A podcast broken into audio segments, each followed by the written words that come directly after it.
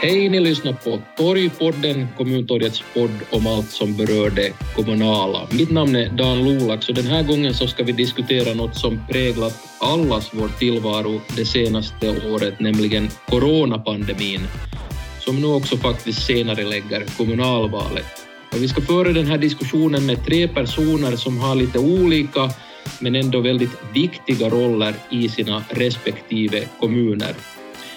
Kristoffer Massar, stadsdirektör i Grankulla. Jag tänker mig att en stadsdirektör, speciellt i en mindre stad, är något av en allt-i-allo ibland. Men när det handlar om den här pandemin, hur skulle du beskriva din roll? Ja, tack Dan, nu beskriver det ganska bra rollen. Eh, huvudsakligen alltså, rollen kommer via det att, att jag är ordförande för vår beredskapsledningsgrupp Eh, där man då såklart gör de här största delen av linjedragningarna om, om vilka restriktioner och med skolstängningar och med allt det andra som, som har kommit fram under den här, den här perioden. Men sen såklart i, i, i vardagen så speciellt då förra våren när allting var nytt så var det nog väldigt intensivt. Det kom väldigt mycket förfrågningar från organisationen, från kommuninvånare, från alla håll och man måste snabbt, snabbt försöka samla åt sig information både av, av egna experterna, läkare och, och skolorna och annat och försök, försöka få en, en uppfattning och en bild att vad är läget, vad ska vi göra, hur ska vi reagera? Och det här informations så att säga, behovet var, var jättestort både inom egna organisationen och också från invånarnas håll. Och, och sen förstås, läget var lugnare emellanåt på sommaren och, och, och det här början av hösten men, men nu igen sen när vaccineringen har satt igång och när, när läget igen har blivit sämre i, i, i Nyland också i Grankulla så har det informationsbehovet igen växt och, och, och det här. Jag har haft ganska aktiv roll också i den här direkta kommunikationen till invånarnas håll som det förstås ofta är en, en, en viktig roll för, för en kommun eller stadsdirektör i en, en mindre, mindre stad. Och, och, vi har, vi har en sån här Facebookgrupp, Puskradio Grani, där, där ganska stor del av invånarna är, är aktiva och, och jag har försökt eh, där aktivt informera invånarna både med att själv göra, skriva inlägg men också, också då att egentligen mer eller mindre dygnet runt svara på frågor eh, om det är sånt som jag kan svara på. Och, och, det är sånt som har uppskattats och sånt som är viktigt men har varit också ganska, ibland ganska, ganska krävande och, och det här. Men att eh, jag tycker att det har varit värt det för att, att man har fått så att säga korrigerat mycket sånt som har varit felaktiga uppfattningar och uppgifter och, och det här med vaccinering är förstås sånt som väcker också känslor för att många frågar att när är det nu min tur och varför har inte jag blivit vaccinerad och varför den andra blivit vaccinerad och allt det här. Att försöka förklara då att, att i vilken ordning vi går och varför har vi inte kunnat vaccinera mera och varför har vi inte fått tillräckligt vacciner och allt det här så är det förstås viktigt. Men att det här kommunikation, eh, försöka få en helhetsuppfattning om läget och, och, och egentligen att vara en problemlösare, det är väl ganska långt det det är frågan om. Mm. Uh, Mia Lindström, social och hälsovårdschef i Pargas, uh, du ansvarar förstås för den här vården överlag, men om man tänker sig just den här biten med pandemin och allt det som den har tillfört. Eh, hur har din roll eventuellt förändrats? Vad är, vad är så att säga din dagliga rutin ifall det finns en, en sån? Jo, tack. Um, ja, dagligen så, så diskuterar vi corona, så som man nu säkert gör, gör i alla, alla kommuner. Och, och jag eh, råkar vara medlem i, i den här regionala coronakoordinerings Eh, eh, gruppen som leds av eh, ledande chefsöverläkare Mikko Pietilä i egentliga Finland. Så, att, så den, I den gruppen så träffas vi en gång i veckan minst då och sen, sen då när det finns behov för det så, så också, också därutöver. Så vår tidtabell egentligen gällande eller, eller hur, vi, hur vi behandlar coronafrågor så förutom de akuta frågorna så följer vi långt den här den här coronakoordineringsarbetsgruppens schema så att vi alltid sen då efter det har i en mindre grupp inom staden ett möte där vi tar ställning till det aktuella epidemiologiska läget och sen då eh, olika, olika rekommendationer och, och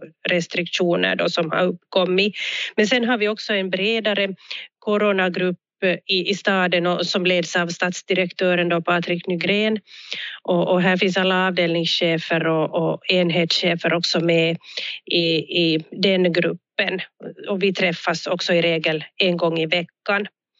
Men sen eh, som du sa här så, så är det ju så att jag, jag leder den verksamhet som både, både egentligen då, eh, tar, tar emot möjliga eh, patienter som har blivit smittade av corona och också den här vaccineringen som, som har startats upp för någon, någon vecka sedan och, och, och det där det är, det är mycket, mycket att fundera på mm. och, och, och, förstås är vi en jättekunnig kunnig, mm, arbetsgrupp eller ska vi säga arbetsgemenskap som, som jobbar med det med, med olika experter från olika håll som, som tillsammans bekämpar det här viruset i, i, i vår stad. Mm. Men kommunikation och informationsgången tänker jag, som Kristoffer också tog upp här, så det är en av de, de viktigaste sakerna som, som vi jobbar med dagligen och, och, och nog, nog utanför arbetstid också. Mm. Just det, så koordinering verkar vara ett nyckelord här, liksom att man gör inte förstås det här ensam utan i lag med eh, ofta en ganska bred grupp människor. Eh, Heikki Kaukoranta, överläkare i Vasa stad som har smittsamma sjukdomar som ett eh, expertområde. Område. Det där, jag undrar att Finns det något sånt som en vanlig arbetsdag när man befinner sig mitt i en pandemi? Och så, hur ser en sån dag i så fall ut? Hur ser din arbetsdag ut? Det var ju en jättebra fråga därför att eh, jag går ganska bra ihop med Mia och Kristoffer därför att eh, det finns så många olika typer av människor och organisationer man måste diskutera under en vanlig arbetsdag, så kallad vanlig jag vet inte om jag kände en sådan till om jag märkte en. Men kan säga att eh, det har varit en jätteutmanande period, den här pandemiperioden och eh, jag hade aldrig någonsin tänkt före att jag kunde hitta ett sådant arbetsuppgift där man, jag kunde använda alla de där kunskaper för allmänmedicin från militärmedicin samt äh, det där äh, klinisk mikrobiologi där på bakgrunden och äh, eventuellt coronavirusen byggde mig upp en sådan möjlighet.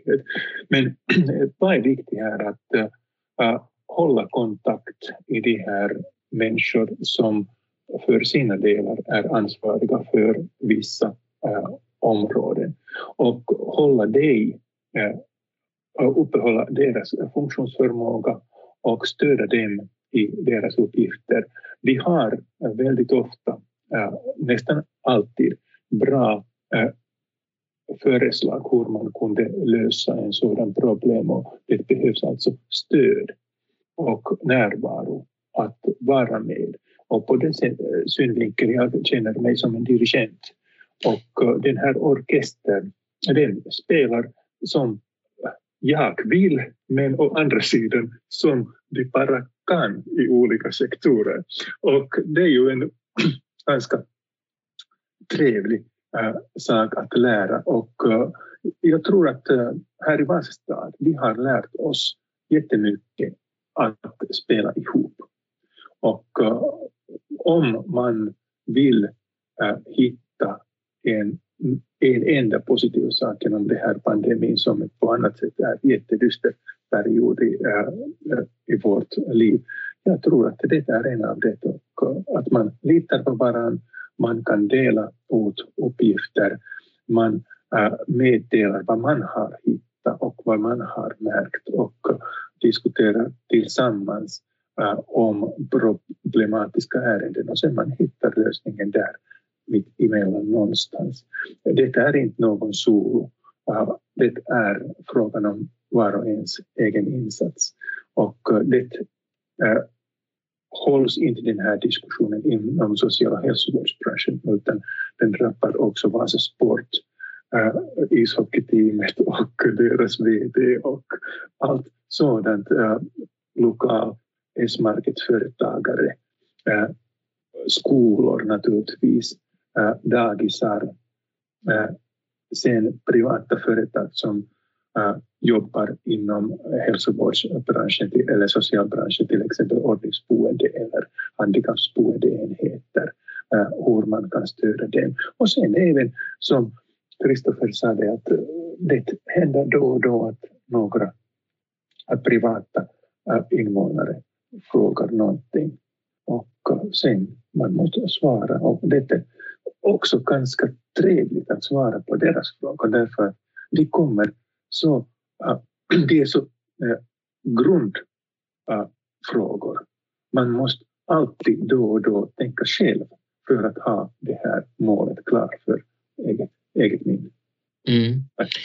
Ganska bra bild där att vara en dirigent eh, som leder en orkester som spelar enligt, enligt, också enligt förmåga förstås. Så det här är ju en, en sak som um, har utmanat hela samhället som du var inne på Heikki. Eh, om man tittar på statistiken så är det åtminstone klart. Vi har till dags dato haft ungefär 62 500 fall av covid-19 i Finland. När jag tittar på statistiken i förmiddag så hade vi i Grankulla eh, 158 fall, i Pargas 75 fall och i Vasa 1250 fall. Det finns en ganska stor variation här alltså mellan era respektive kommuner. Men på samtliga orter så är trenden nu stigande och det är ju också skälet till varför man tar till igen hårdare restriktioner. Eh, om jag börjar med dig Heikki i Vasa, ni har ju gått lite som en berg och dalbana genom den här pandemin. Eh, det var dåligt och sen var det lite bättre och nu är det lite dåligt igen. Eh, hur kritiskt är läget i Vasa för tillfället? No, uh, den kan betraktas vara kritisk eller lite mindre kritisk. Och om vi tittar först på den här mindre kritiska sidan är det att uh, vi har ganska mycket, relativt många nya fall av corona äh, varje dag. Men vi har kunnat spåra upp äh, alla de här med 90 procent. Och det är ju en jättefin sak och jag är jätte, jättenöjd med det här eh, smittospridningskompaniet som jag har här.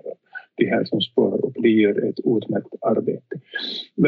Men sen om vi tittar att vi lever ändå på delvis normala omständigheter. Vi måste också äh, kunna garantera det här normala äh, social hälsovård för våra invånare. Och sen då vi har det här smittospridningskontroll äh, och sen vi har också vaccinationer, vi har bara det här samma antal av människor som jobbar här. Och därför, det är ju en, kanske den största utmaningen är där att hur vi kan skydda våra arbetstagare att orka Naturligtvis, det är också en sådan sak att eh, i den här smitt, eh, smittospårningen, de är så intresserade om sitt arbete att den eh, suger dem in på något sätt. Och de får också, de blir också betalt, inte med lönelistan utan också eh, mentalt. De känner att de gör någonting som är faktiskt eh, betydande.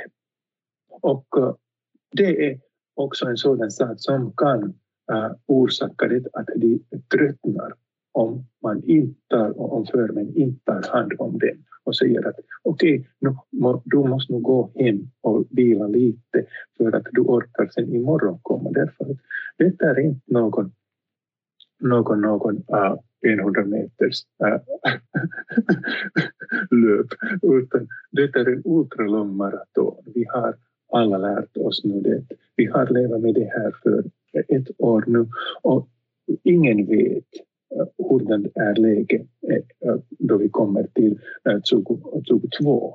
Det, jag antar att vi har ännu coronan men mönstret är igen lite annorlunda.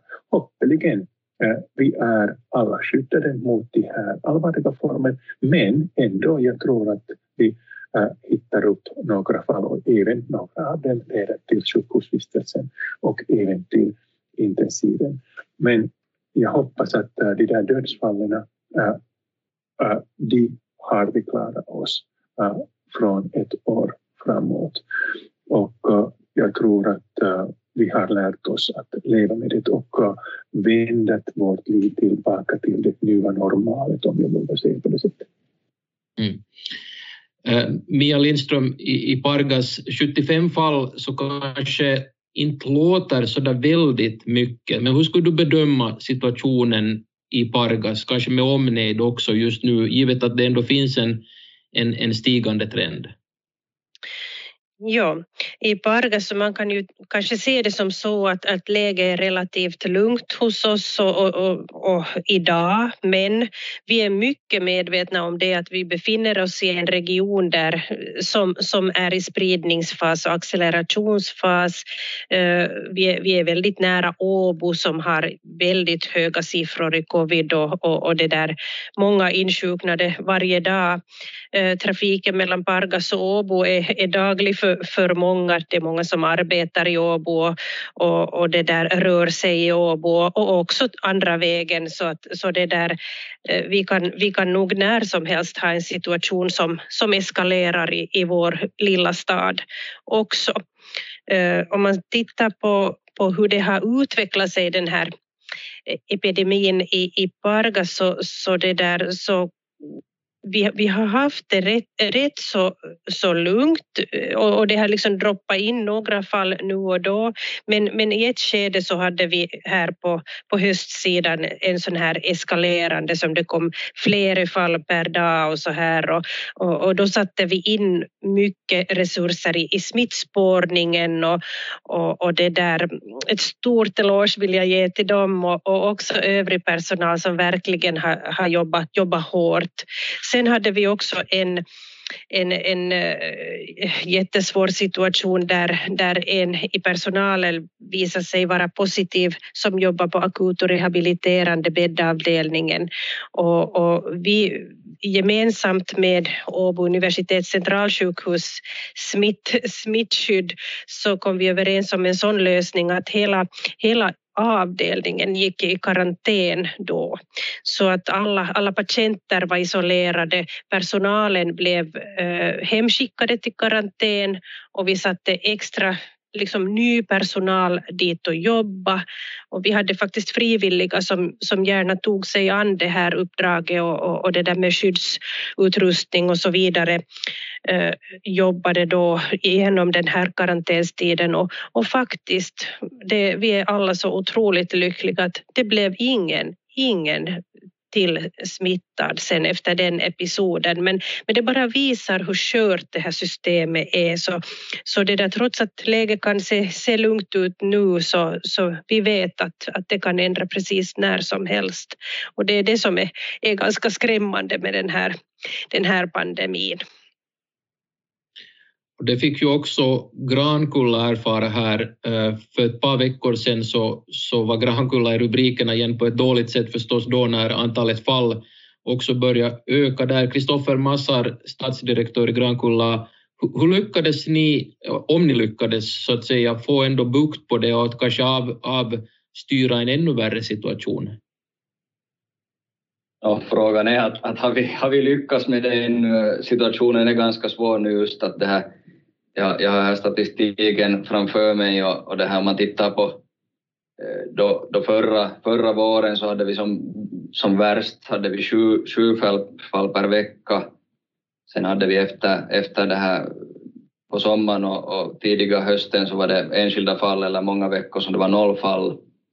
Och, och det här före, före julen var det som värst några veckor som vi hade åtta, nio eller sju fall och sen, sen runt årsskiftet julveckan och några veckor efter det så hade vi det väldigt lugnt. Vi hade noll eller, eller enskilda, enskilda fall, men att om man, om man tittar på senaste tre, fyra veckorna så hade det blivit nog en, en klar eskalering och det, det är samma hela huvudstadsregionen och man måste minnas att Grankulla är mitt inne i Esbo och mitt inne i huvudstadsregionen, att det som händer i, i stora städerna så påverkar nog oss att det, det är omöjligt att, att undvika det helt.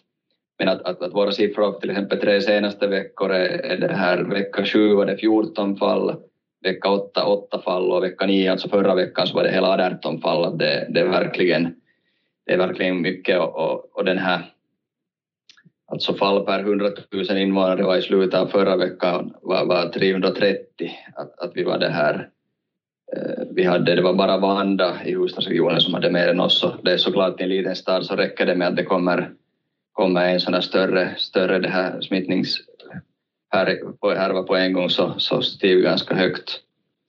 Eh, nu enskilda, några enskilda dagarna nu så ser det kanske lite lugnare ut åt veckoslutet och idag så är det hittills har det varit nu två fall så kanske det lite har, har lugnat ner sig och vi beslöt att så redan, redan det här för ungefär en och en halv vecka sedan så, så då när det började bli tal om de här nya åtgärderna så vi tog, vi tog det här vi tog och flyttade en, redan det här för en, ve en vecka sedan då högstadierna till, alla högstadierna till distans, distansundervisning och gymnasierna har ju varit redan länge i distansundervisning och fortsatte med distansundervisning och, och vi tog lite, lite i förväg jämfört med resten av, resten av Gustavsregionen, de här åtgärderna.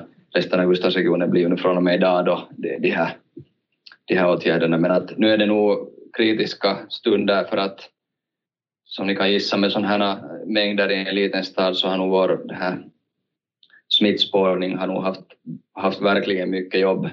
De har gjort otroligt bra arbete också men det har varit, varit nu de senaste, senaste veckorna har de nog varit verkligen, verkligen fått jobba nästan dygnet runt och, och det här och som sagt, det, det, här är, det här är efter att man redan har haft den här långa, långa maratonen, att, att det, här, det, det, är nog, det är nog tufft. Men att vi, vi hoppas nu att, att via de här nya, nya åtgärderna så ska vi få lugnat, lugnat det här läget ner och, och kanske det här positiva i, i den här helheten är för det, det att, att det här eh, det har inte blivit så hemskt mycket nya det här sjukhusfall ännu. Vi vet ju att det såklart det, det tar en tid för det man ser att hur det kommer att utveckla sig. Det har varit ganska mycket varit unga, unga vuxna eller unga, men att det här nu, nu under de här senaste dagarna har det, har det börjat igen kanske komma lite mer av de här som hamnar, hamnar så in på, på avdelning och nu får vi se att, att, att hur den här utvecklingen fortsätter. Men vi har nog alltså det mest kritiska läget har vi nu just som vi har haft under hela den här coronapandemin och, och det är ju samma, samma i huvudstadsregionen allmänt. Men idag är det alltså så då att nya restriktioner träder i kraft just på grund av den situation som Mia och Kristoffer och och Heikki här har beskrivit skolor från de högre åldersklasserna går till distansundervisning och restauranger kommer att stängas, en del hobbyverksamhet avbryts och just den här icke brådskande vården kommer också att skrinläggas. Det här är en del av de åtgärder som man nu vidtar. Uh, Mia Lindström, hur motiverat är det här om du till exempel tänker då ur Pargas uh, horisont? Tänker till exempel på den här icke brådskande vården. Hur ser du på att, att man så att säga skrinlägger den och ger företräde förstås till att, att begränsa äh, äh, spridningen av, av coronaviruset? För det med sig problem på längre sikt? Nu tänker jag att de här restriktionerna som, som träder i kraft idag är, är befogade. Vi har ju en allvarlig situation nog i landet och, och det där, vi, ska, vi ska inte liksom i det här skedet fundera, fundera om det är för mycket eller för lite eller eh, kanske för mycket direktiv utan vi ska tänka på att, att det där, vi, ska, vi ska undvika kontakter och vi ska undvika sprit, Eh, spridning av, av covid. Och, och jag tänker också gällande personalen, så personalen har nog social och hälsovårdspersonalen då jobba hårt i ett års tid nu redan. Och, och det där, och, och, som här tidigare sades så, så vi har en, vi har en covid-pandemi att sköta, vi har vaccineringar att sköta, men vi har därutöver den här normala verksamheten fungerar precis på samma sätt egentligen och, och, och med samma personalstyrka så gott som. Så, så jag tänker att, att det är bra att det finns möjlighet att, att, att lite, lite tänka om och omorganisera ifall läge, läge blir sådant att, att det behövs och, och med tanke på Eh, att var, var vi kan koncentrera resurserna. Eh, det, det, vi vet också att det är väldigt kört just att om personal insjuknar så vi måste snabbt agera och snabbt kun, kan, måste liksom tänka på att vad kan vi göra istället, att hur, hur kan vi eh, vad, vad är sånt som kan, kan kanske vänta lite och, och, och vart behöver vi flytta, flytta resurser? Att, att jag, jag tänker att vår personal nog har, har har jobbat jättefint och jobbar jättefint och, och, och det där är, är egentligen eh, väldigt liksom, hur ska man säga, förbundna till sitt arbete och, och, och förstår det här lägets allvar och, och, och, vi vet att vi tillsammans ska bekämpa det här och, och, hitta de lösningarna som helt enkelt är bäst ur, ur det här eh, bekämpningen av covid-synvinkel. Heikki Kaukoranta i Vasa, du har ju betonat vikten av att man agerar just väldigt raskt och inte väntar så mycket. Är det, finns det, ser du en risk för att de här restriktionerna kommer för sent? Alltså man kan ju säga förstås bättre sent än aldrig, men upplever du att man har väntat för länge med att, att vidta dessa åtgärder? Ja, jag kan nog säga så därför att jag röstar för preventiva åtgärder på den synvinkeln jag är en allmänmedicinrepresentant. Och jag tycker inte så mycket om att vårda utan att förebygga. Och naturligtvis eh, nackdelen för eh, lyckat förebyggande är det att ingenting händer. Och man kan sen efteråt säga att nej, eh, vi vet inte om det hade hänt utan eh, era åtgärder eller var det nu orsakad av era åtgärder att ingenting hände. Och därför, eh, det är ju jätte olönsamt att utföra preventiva åtgärder. För äh, det händer inte någonting. Det, det, ja, ja, man får inte någon katastrof om allt lyckas.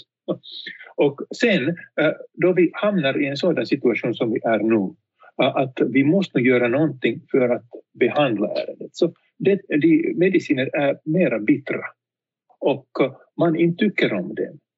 Men äh, om vi har nog valt på det sättet att vi fungerar reaktivt och inte proaktivt. Därför att jag har lärt mig att jag borde planera min framtid för några dagar, tre dagar sedan planera hälsovården, hur vi ska gå vidare, till exempel till nästa vecka, vi har redan färdig plan. Hur vi ska äh, gå framåt med vaccinationer, hur vi ska äh, anordna den här dagisproblematiken som vi har här med nya coronafallen där, hur vi ska omorganisera situationen. Och naturligtvis att abiturienterna får så tryggt som möjligt utföra sina studentexamina. Eh, det just äh, på dagens äh, menu.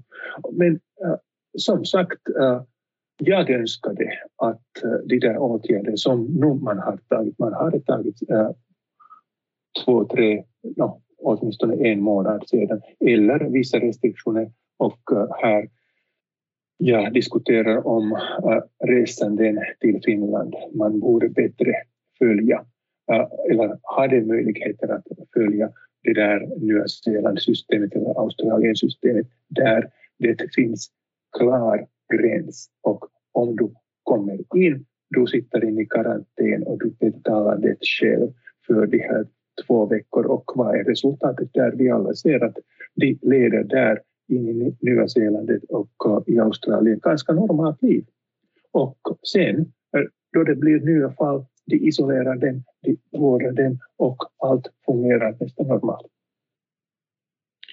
Eh, Kristoffer Massar, du var redan inne på det, men att, att ni hade så att säga vidtagit åtgärder lite innan till och med än vad eh, så att säga de här myndighets och regeringens beslut trädde i kraft. Eh, är det så att, att man måste också som en liten kommun så att säga föregå så att säga vad staten säger här, att man kan inte liksom vänta på att statens maskineri får utspottat de här besluten, utan man måste vidta åtgärder innan det? Måste man ju ha förmåga, eftersom ansvaret för det lokalt är hos kommunen, helhetsansvaret såklart hos statsmakten, men att det här lokala ansvaret är hos kommunen så måste man vara färdig att ta, ta åtgärder ifall det här situationen kräver det. Eh, vi har ju på det sättet varit i en lite svår sits i Grankulla att, att när vi är del av huvudstadsregionen och, och det har funnits den här huvudstadsregionens det här eh, koordineringsgrupp där vi inte alltså sitter själv med men att det här, de linjedragningar som har tagits där gällande restriktioner och, och lättare restriktioner så, så i huvudsak så är vi i, prak, i praktiken bundna av dem fast vi inte juridiskt skulle vara det. Eh, vissa åtgärder har vi nog också klart varit, talat för, alltså det här med, med unga unga och barns viss hobbyverksamhet så, så där var vi för det här, vissa lättnader i det för att, för att vi helt enkelt började se så allvarliga följder på den sidan. Men att det här, samtidigt nu när vi såg att, att situationen började bli mycket allvarligare och, och, och det här mängden, mängden covidfall ökar kraftigt så tyckte vi att vi måste också reagera då snabbt och, och ta till åtgärder där. Att, att det här, jag tycker det är helt, helt befogade de här nya åtgärderna. Och jag är samma åsikt med, med Heikki, vi kommer kanske senare här till vad har lyckats bättre och sämre från, från statligt håll. Men att vissa åtgärder helt klart har man nog misslyckats med eller inte, inte tagit tillräckligt fort eller inte ännu heller fått att fungera på rätt sätt. Men att det här, vi, vi återkommer sen till det, det temat snart det ska vi diskutera här också i, i Torgpodden, just hur den här eh, samarbetet mellan myndigheter och ministeriet och regeringens budskap utåt förstås också har funkat. Men det som jag funderar kanske härnäst är just de här smärtpunkterna som ännu finns kvar och hur ni ser på det, ni som jobbar i kommunerna. Eh, vårdfacket TU hade en ganska oroväckande nyhet här i veckan. De meddelade att, att personal tar kontakt och, och vill kanske säga upp sig eller häva den här rätten att utöva sitt yrke, alltså sin licens, då kanske för att undgå att bli inkallade eh, till att sköta om det som behöver skötas om i det här coronapandemiläget. Eh, Kristoffer Massar, ifall jag börjar med dig, hur, ser det ut, tillgången till vårdpersonal och, och liksom sådana här orosmoln? Är det någonting som du har stött på i Grankulla? No, inte kanske så här allvarligt att, att man skulle här börja se upp sig annat men att, att helt klart är det att, att det här, vi vet ju alla att, att vi har brist på sjukvårdspersonal i, i Finland. Eh, man kan säkert det här länge vi vet det att, att det här man sjuksköterskor och förstås speciellt fackförbundet ansett att lönenivån är för låg och, och, det är ju sånt som har en påverkat och rekryteringssvårigheter har påverkat oss redan i, i normala läge och, och, det är helt klart att när vi nu har den här, den här ultramaratonen ett år bakom oss och, det har varit intensivt, det har varit mycket, mycket jobb och mycket nytt att lära sig och, och också stressande situationer och man har fått vara orolig att själv bli, bli smittad och allt det här. Så, så det är klart att det påverkar. Men att det här, jag skulle inte kanske säga direkt i Grankulla att, att vi skulle ha en så hotande situation. Jag tror att det mera gäller då eh, intensivvården och, och då vid, vid specialsjukvården. Eh, men att det här, nu, nu är det klart att, att vi har ju på sikt ett, ett, också efter corona så kommer vi att ha en av, en av de här mest kritiska faktorerna blir vårdreform av eller inte så, så kommer det att vara det här med att, att, att får vi utbildad personal som, som det här vill jobba och, och trivs på sitt jobb och, och det är inte någonting som som har blivit bättre av den här situationen utan bara, utan bara värre och, och blivit mera, mera akut.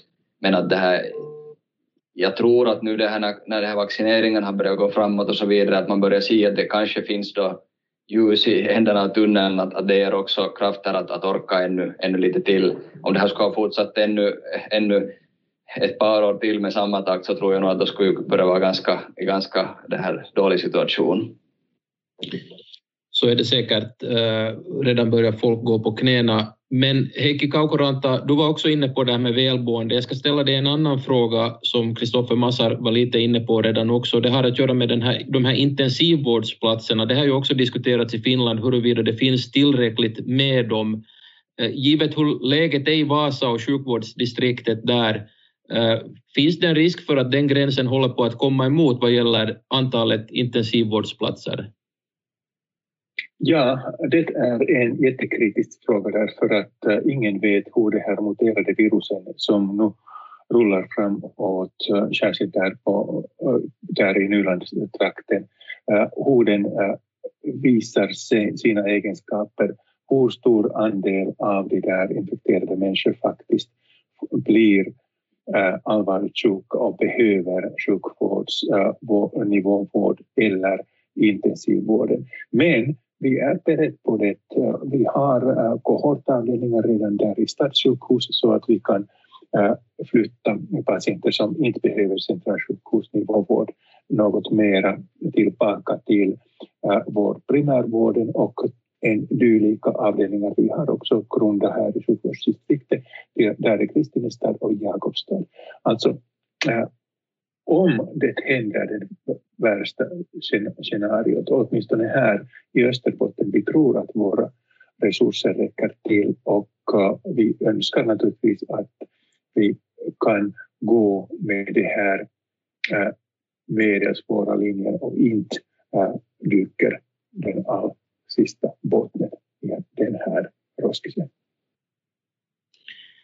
Mia Lindström, för en eh, relativt liten stad ändå som Pargas, där ju personalfrågor ofta handlar om det att lyckas man rekrytera tillräckligt mycket personal och det gäller ju väldigt i stor utsträckning på social och hälsovårdssidan. Hur ser den här personalsituationen ut för er del för tillfället? Mm. Jag skulle säga att för tillfället är det, är det rätt, rätt så bra, men, men det där, vi vet också att det, social och hälsovård är en verksamhet som som utökas egentligen med tanke på befolkningsdemografin också, att de äldres andel ökar i vårt samhälle och, och, och, vi, ser det, vi ser det klart i Pargas att det går snabbt den här utvecklingen framåt. Så att vi, vi, har, vi har brist på det sättet i, i normala fall och med tanke på verksamheten och framtiden så uh, hela utvecklingen så, så behöver vi behöver vi mera personal. Men för tillfället om vi tänker på, på den här pandemiläget och, och, och så här så, så vi har, vi har folk där nu för tillfället. Men sen om det skulle hända någonting oförutsägbart, att det skulle falla bort människor, så då är det ju förstås en, en jätteallvarlig sak i en, en liten stad och en, en liten, liten kommun här, att det är svårt sen att, att, att det där få, få mera folk så där plötsligt som är behörigt. Mm, så där är vi igen åter inne på det här med hur bräckligt, bräcklig situationen är helt enkelt ute i kommunerna. Vi ska övergå till ett annat tema som vi redan har nuddat vid och det har att göra med den här juridiska biten av smittbekämpningen kan man väl kalla den. Den har varit rätt så svår. Uh, idag så har restriktioner alltså trätt i kraft, men medan vi pratar så diskuterar man också just den här stängningen av restauranger och, och det har varit mycket mankemang kring de uh, paragraferna kring den stängningen. Eh, Kristoffer uh, Massar, som statsdirektör, hur lätt har det varit att orientera sig i den här informationen som kommer från regeringen, från ministerier och från myndigheter och för att inte ta med också just det här politiska eh, eh diskussionen som också finns eh, som en randanmärkning i hela det här. Hur, hur enkelt har det varit? Ja, vad ska man säga?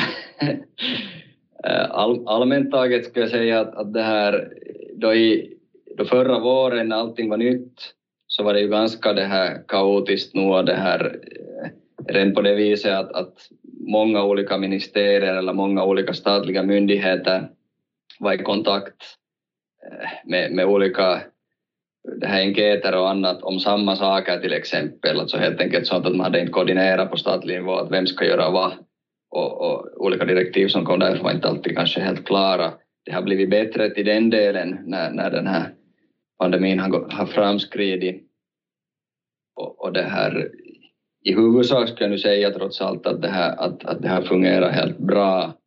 Men att de här största bristerna är nog helt klart det som, som har diskuterats också i offentligheten allra mest, det vill säga allt som har att göra med, med det här resande, reserestriktionerna och, och, och de här eh, covid-testningar vid, vid gränserna och, och sen just det här med, med, med det här restauranger eller speciellt nattklubbar, pubbar, sånt, sånt. Så, så det här, där kan man ju inte tycka annat än att det har varit ett misslyckande om man jämför med hur man har gjort i, i princip i alla andra länder i, i västvärlden och hur det har varit möjligt att, att fatta såna, det här, göra beslut om sådana restriktioner och det inte har lyckats här. Så det här, och man hade trots allt en, åtminstone ett halvt år tid här från sommaren, sommaren framåt att få gjort de här restriktionerna. Och det är kanske det som är mest tragiskt för att ifall man skulle ha lyckats Eh, med de här under tidigare, tidigare under hösten så skulle jag kanske ha undvikit att det här, de här virusvarianterna skulle ha kommit till landet åtminstone lika mycket som det kommer lika snabbt. Och, och via det skulle jag kanske kunna undvika då sådana restriktioner som påverkar då barn och unga och skolor och allt det här som, som på sikt kommer att få ganska troligen allvarliga följder då för, för mentala hälsan och sånt. Att det, det tycker jag är mest, mest tragiska och, och, det är kanske det största misslyckandet att, att i, i, i huvudsak förutom det här tycker jag att, att, att regeringen har skött sig väl och, och, och det här och jo, vissa, vissa de här modellerna var nu inte kanske helt, helt genomtänkta, allting var nu inte alltid helt logiskt, men att, nu tycker jag att, att, att det har varit möjligt för det att, att förstå sig på den där helheten om man följer med och, och har en uppfattning att, att, att vilket håll vi går. Och man måste ju för det, på det sättet ha förståelse att det har varit en helt ny situation och, och det helt enkelt går inte att planera, planera allting. Men att, men att det här personligen så anser jag att det här med, med reserestriktioner och just med, med, med speciellt nattklubbar och sånt, så, så där har man nog helt klart misslyckats. Hur är det Heikki Kaukoranta som ändå är så att säga på fabriksgolvet och ser vad som krävs och vad man borde göra. Har du tålamod med regeringen eller har du känt frustration över de här ibland utdragna processerna? No, jag skulle inte hålla mig i sanningen om jag sade att eh, jag hade varit alldeles nöjd med den här informationen som kom dit alltså för en och en halv vecka sedan då de eh, på torsdag hade ett eh, informationstillfälle från regeringen där de berättade att skolorna ska flyttas till distans och vi ska stänga restauranger och så vidare och så vidare. Och sen eh, då man på fredag tittade vad de här faktiskt hade menat. Det betydde att kommunerna och Avina skulle sen ta de här restriktionerna och ta beslut och att eh, de där eh, utlåtanden som regeringen och ministeriet har gjort, de är inte juridiskt bindande. Det var jätteöverraskande. och, och, och eh, för trots att jag är 100 procent finskspråkig. Så det var oerhört svårt för mig att eh, föreställa och eh, förstå vad regeringen sa. Och på den synvinkeln, jag Äh, är inte nöjd och att man har flyttat över äh, ansvaret och äh, de där faktiska åtgärder och beslut att det är juristerna som ska göra det. Det går inte ihop till min världskoncept. För jag anser att om jag har ett problem med vatten, det är en rörmokare som ska göra det. Om jag har en hjärtinfarkt, det är en läkare, en kardiolog som, som ska ta hand om det. Och om jag ska gå igenom en skilsmässa, då behöver jag en uh, juridisk uh, advokat där. Men om uh, juristerna ska börja ta ansvar för det hur man ska kämpa coronaviruset, det går lite utom, uh, ute från deras, deras stånd, helt enkelt. No, nu egentligen börjar vänta när jag får kallelse till, till, till äh, tingsrätten. Okej. Okay.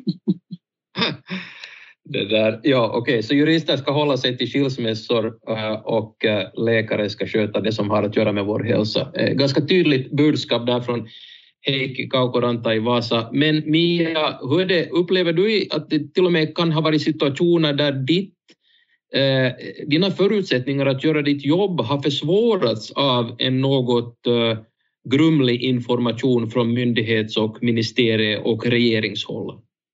Mm.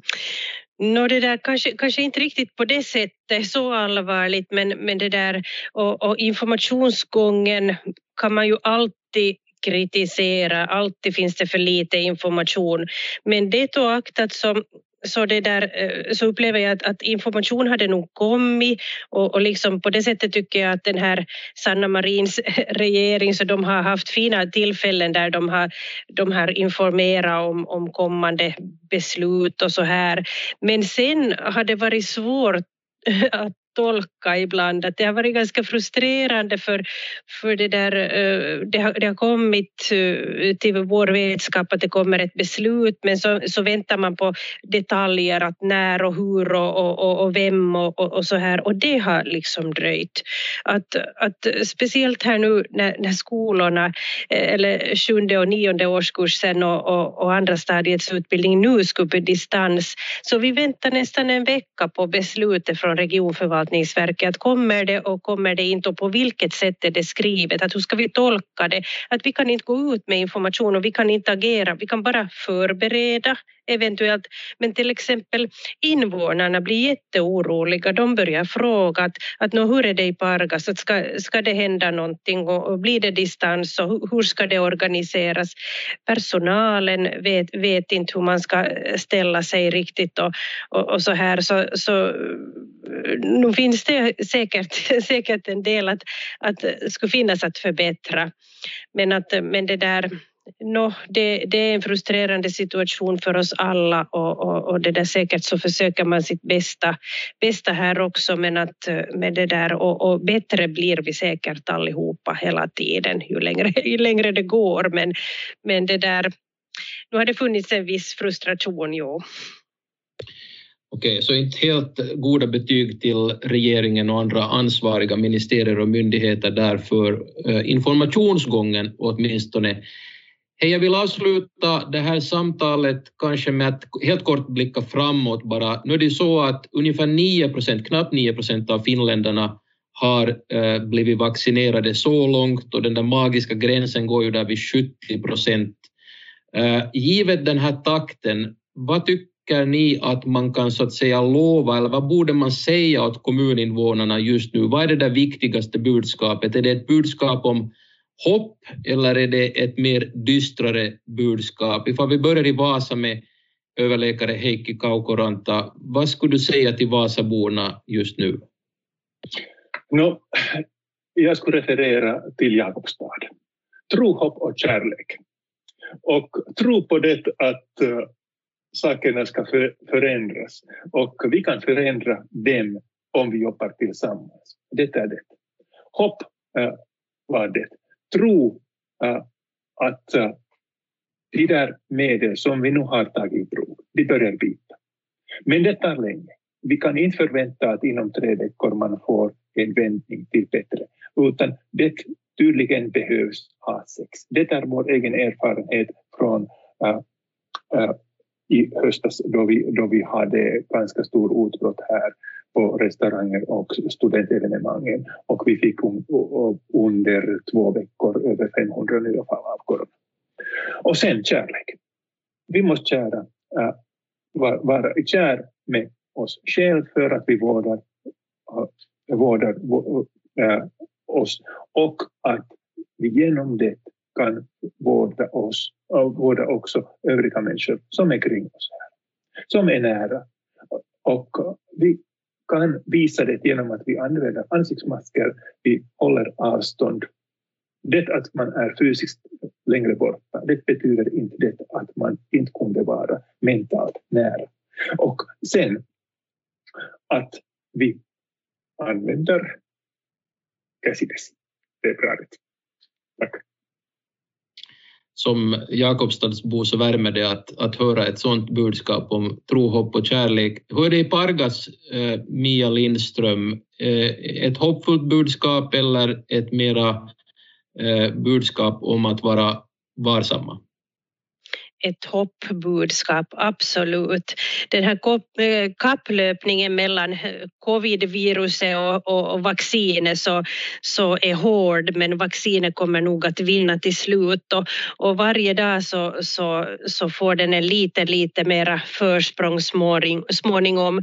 Och, och jag tänker också att, att det är viktigt att vi bryr oss om varandra och att vi ser våra närmaste omkring oss. Det, det finns många som som, som är ensamma i dagens läge och kan vi göra någonting åt det så, så, så ska vi utan vidare försöka hjälpa till och, och det, där, det är mycket vi kan göra. Vi kan gå ut och vi kan, vi kan med, med beaktande av säkerhetsavstånd och åtgärder så kan vi, kan vi trots allt få mycket, för mycket eh, gemenskap att, att hända. Men, men vi ska vara försiktiga ännu en tid. Men det är ljus, det ljusnar så småningom.